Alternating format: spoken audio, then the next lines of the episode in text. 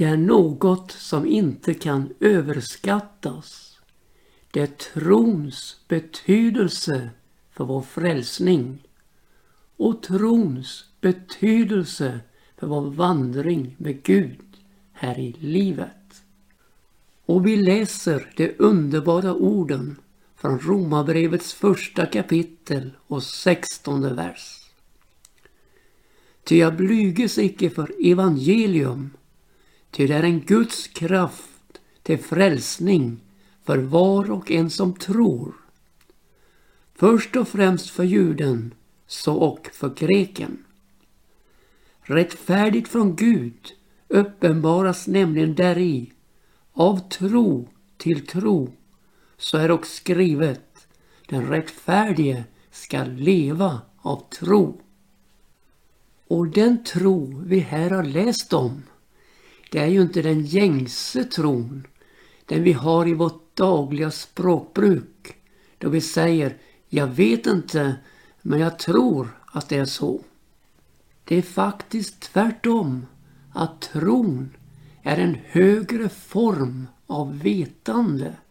Saker och ting som vi aldrig kan förstå eller utforska med vetenskap och allmänt vetande blir här uppenbarat för oss i med full visshet.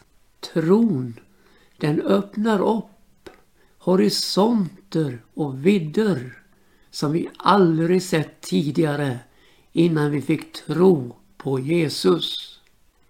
Vi som levde i otro och tvivel snart sagt på Gud och var man. Vi har kommit till tro och fått ett underbart utgångsläge i tron på Jesus. Vi upplevde nämligen att tron på Jesus var frälsande. För det heter i skriften Tro på Herren Jesus så blir du frälst. Ja, evangelium, det är en kraft, en Guds kraft, en kraft till frälsning för var och en som tror. Och så öppnades upp för denna Guds kraft till frälsning, evangelium i våra liv. Och vi fick denna startpunkt.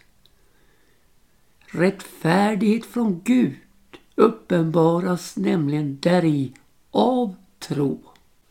Och så leddes vi in på en vandring i gemenskap med Gud. För det heter ju vidare av tro till tro. Du ser att hela inriktningen i frälsningens under i våra liv ligger i trons underbara värld. I trons område, ja tron på Jesus. Av tro till tro ger ju ingen plats för otro och tvivel. Utan allt sammans rör sig om denna tro. Tro på Jesus. Och så kommer det då den rättfärdige ska leva av tro. Ja, själva livsgrundlaget, livsinnehållet är denna tro på Jesus. Bibeln är fylld av trosmän och troskvinnor. Och vi brukar kalla dem för troshjältar. En benämning som lätt sätter dem på en alltför hög pedestal. För det är ju lika oss.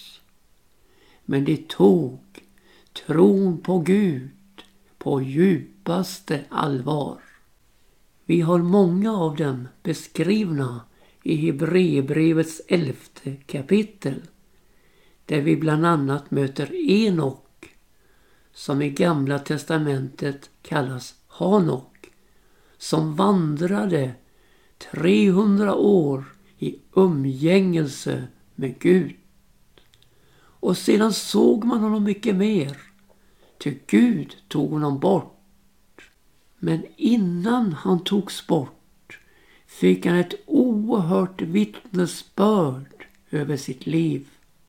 Att han hade täckts Gud. Vilket begrepp! Vilken storhet! Vilken nåd att täckas Gud. Och så får vi då denna viktiga undervisning på detta område. Att utan tro är det omöjligt att täckas Gud. Ty den som vill komma till Gud måste tro att han är till och att han lönar dem som söker honom. Denna trosvandring, denna vandring i umgängelse med Gud förde honom in på ett profetiskt område där han som den förste fick profetera om Jesu andra tillkommelse. Tänk dig tusentals år före denna kommande händelse så får han profetera klart och tydligt om vad som ska ske i denna andra fas av Jesu tillkommelse. Han säger, se Herren kommer med sin mångtusen heliga för att hålla dom över alla och bestraffa alla de ogudaktiga för alla de ogudaktiga gärningar som de övat och för alla de förmätna ord som de i sin syndiga ogudaktighet har talat mot honom. Ja, Jesus kommer för att hålla dom över alla ogudaktiga och upprätta sitt rike. Detta kan ingen vetenskap i hela världen peka på. Men tron, halleluja, öppnar upp för detta perspektiv och låter oss se in i den kommande framtid.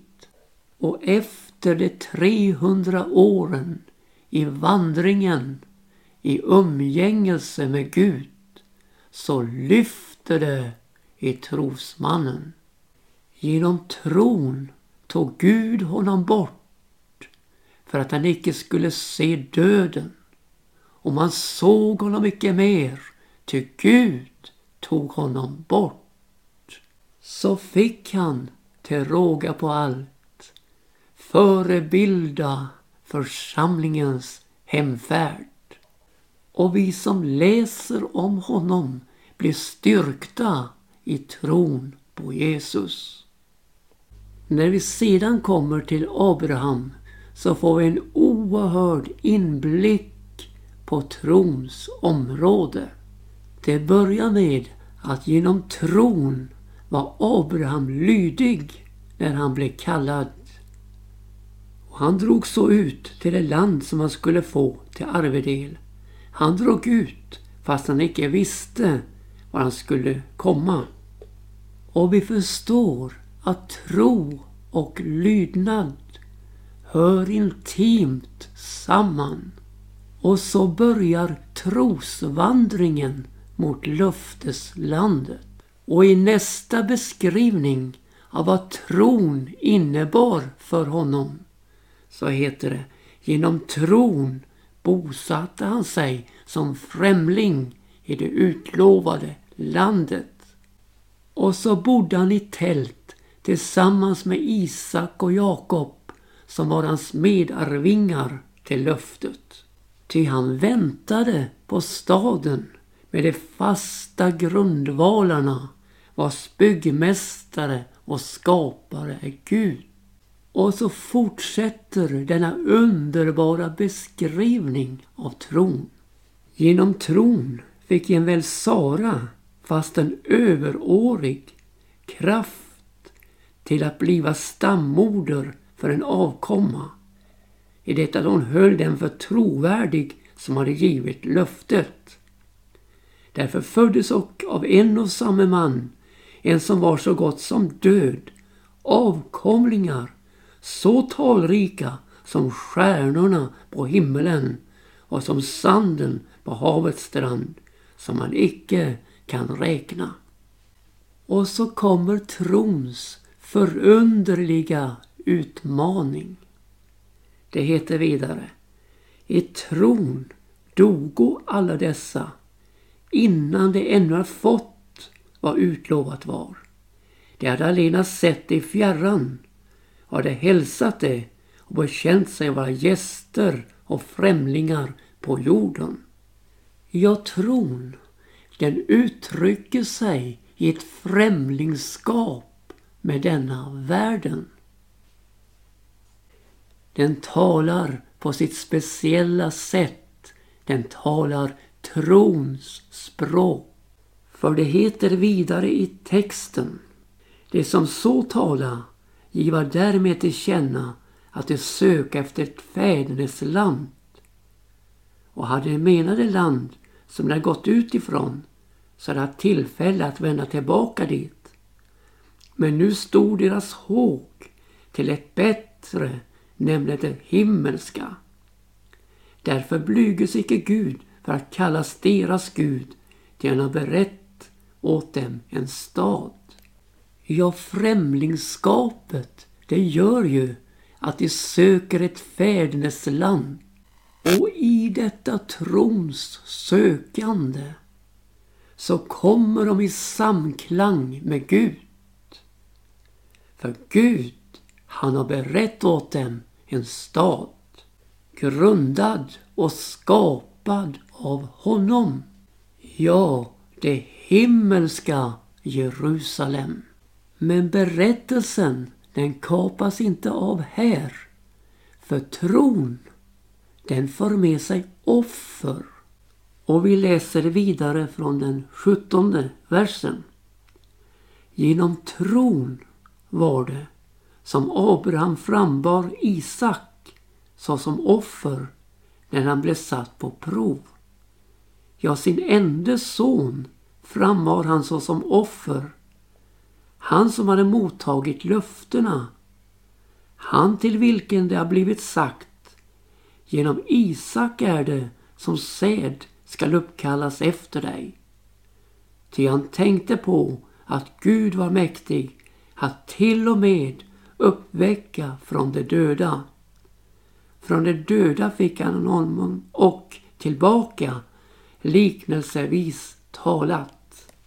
Ja, trosproven, de kommer vi aldrig ifrån. Men låt oss då, när vi prövas, har för blicken att Gud, han bemästrar allt. Till och med kan han uppväcka från de döda. Han hade i sin tros inriktning Guds mäktiga ingripande. För han säger, när vi har tillbett, när vi har tillbett, då kommer vi tillbaka. Han förstod att Gud hade en underbar utgång ur provet. Därför broder och syster som prövas på troslivets område. Gud har också en utgång för dig ur provets svårigheter. Det finns ett liv av nåd och välsignelser när du har genomgått provet. Låt oss också ta med Moses som vid sin födelse genom tron hölls dold av sina föräldrar. Man såg att det var ett vackert barn och lät inte förskräcka sig av konungens vrede. Det lät inte förskräcka sig av konungens vrede. Det var här föräldrarnas tro som hade en oerhörd betydelse för händelsernas utgång. Det blev några tre korta månader men intensiva där hemma i hemmet där tron var det dominerande. Så sattes han ut och blev på förundliga vägar upptagen som faraos dotterson. Men blev uppfostrad av sin egen mor som blev amma för honom där i späd ålder.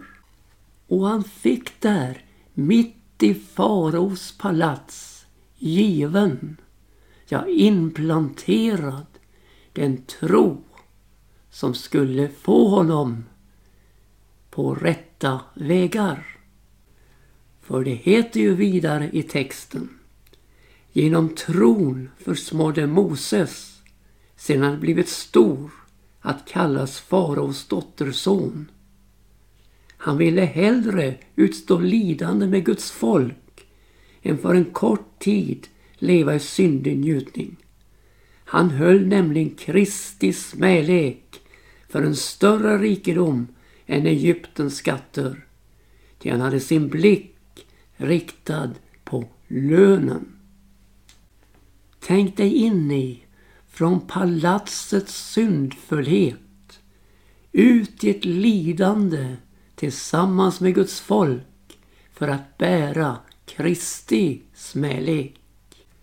Ja, han fann genom tron den rikedom som är större än världens alla samlade skatter, ja, en palatsets hela rikedom. Ja, det var Kristi smälek och rikedomen i den kan bara en troende människa upptäcka. Och vi läser vidare om denna övervinnande, segrande tro. Genom tron övergav han Egypten utan att låta förskräcka sig av konungens vrede. Ty därigenom att han liksom såg den osynlige kunde han härda ut. Ja, du vet, det gäller om att ha blicken fäst vid Jesus. Det gäller om att tänka på honom så att vi inte tröttnar och uppges i våra själar. Ja, därigenom att han liksom såg den osynlige kunde han härda ut. Och så vidgas perspektivet från honom, denne trosman, till hela folket. För när vi läser vidare så heter det Genom tron har han och förordnat om påsken och blodsbestrykningen på det att fördärvaren som förgjorde allt förstfött icke skulle komma vid dem. Ja, detta förordnande om blodsbestrykningen räddade ett helt folk. Och du förstår vad viktigt det är att förstå vad Jesu Kristi, Guds sons blod, betyder för vår frälsning. Och så sätts ett helt folk i rörelse mot det land som har lovat dem. Ett land som flyter om mjölk och honung. Genom tron drog de fram genom Röda havet liksom på torra land. Men när egyptierna försökte gå samma väg dränktes de. Ja, det är bara trosvandringen som för oss igenom. Alla mänskliga försök är nytteslösa. Ja, det är ju så att vi vandrar här i tro och icke i åskådning. En trosvandring som kommer att förbytas i den underbaraste åskådning som någonsin har skett. Vad intet öga har sett, intet öra hört och ingen människas hjärta har kunnat tänka vad Gud har berett åt dem som älskar honom. Ja, nog blir det värt sitt pris att få se Jesus.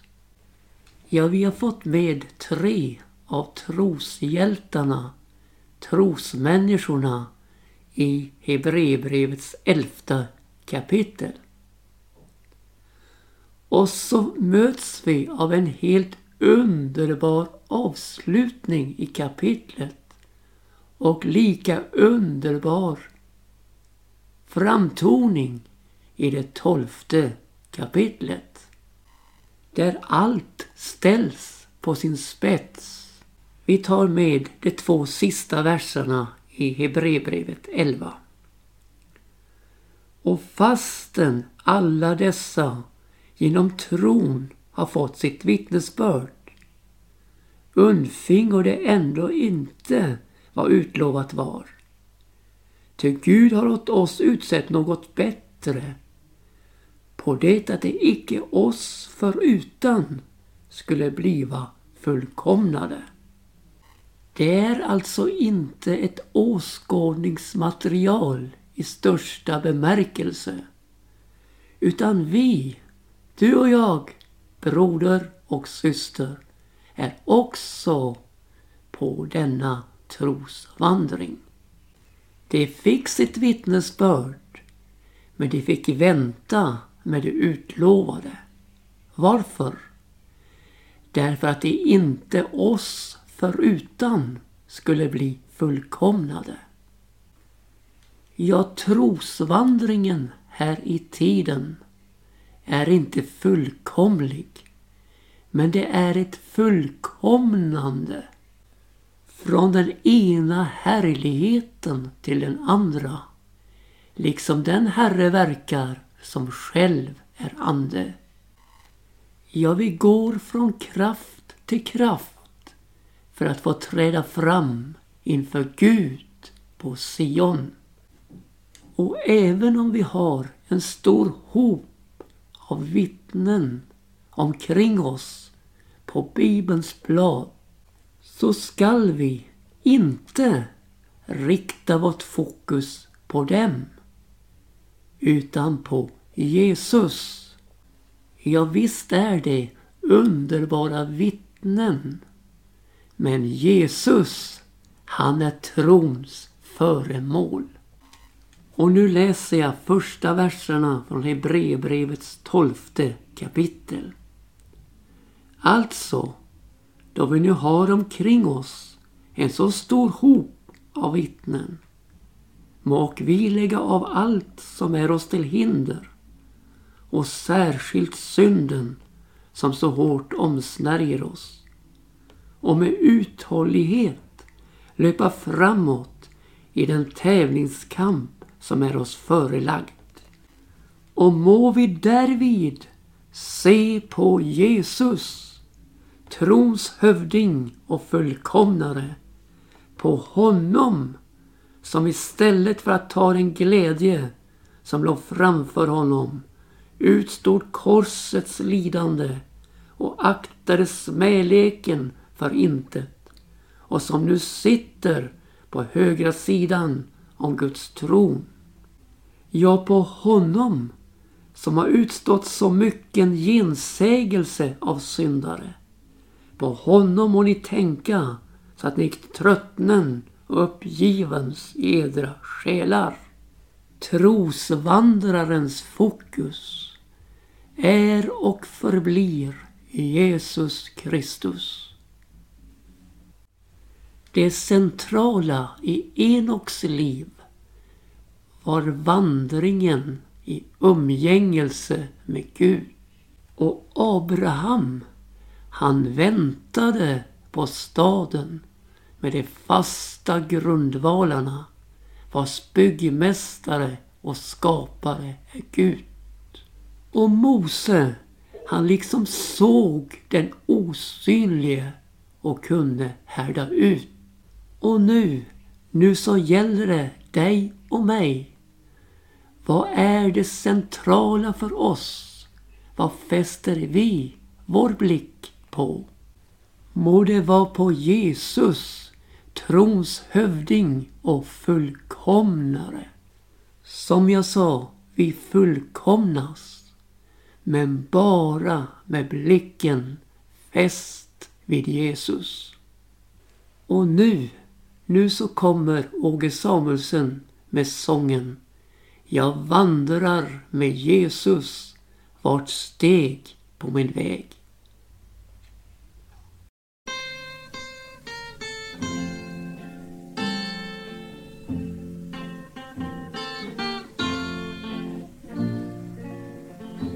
Jag vandrar med Jesus. Vart skritt på min väg. Han håller min hand då faller jag Hans ömhet omger mig. Han är mig så när allt vad mig möter Min hjälper han är Jag vandrar med Jesus jag går var han går. Han stämmer jag hörer och styrka jag får. Mitt allt jag han giver på vandringen fram I onden jag skuer mitt himmelske hjärta.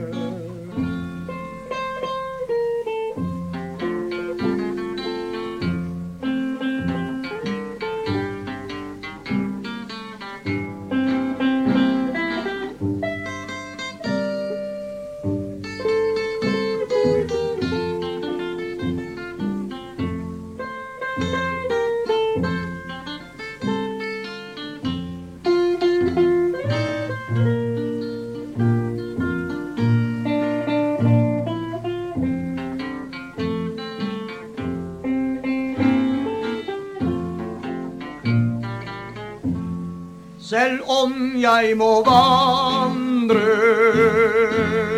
i dødsskyggens dal, så økt han meg nide til himmelens sal. Snart får jeg se staden så herlig och skön Och livet med Jesus, jag i lön.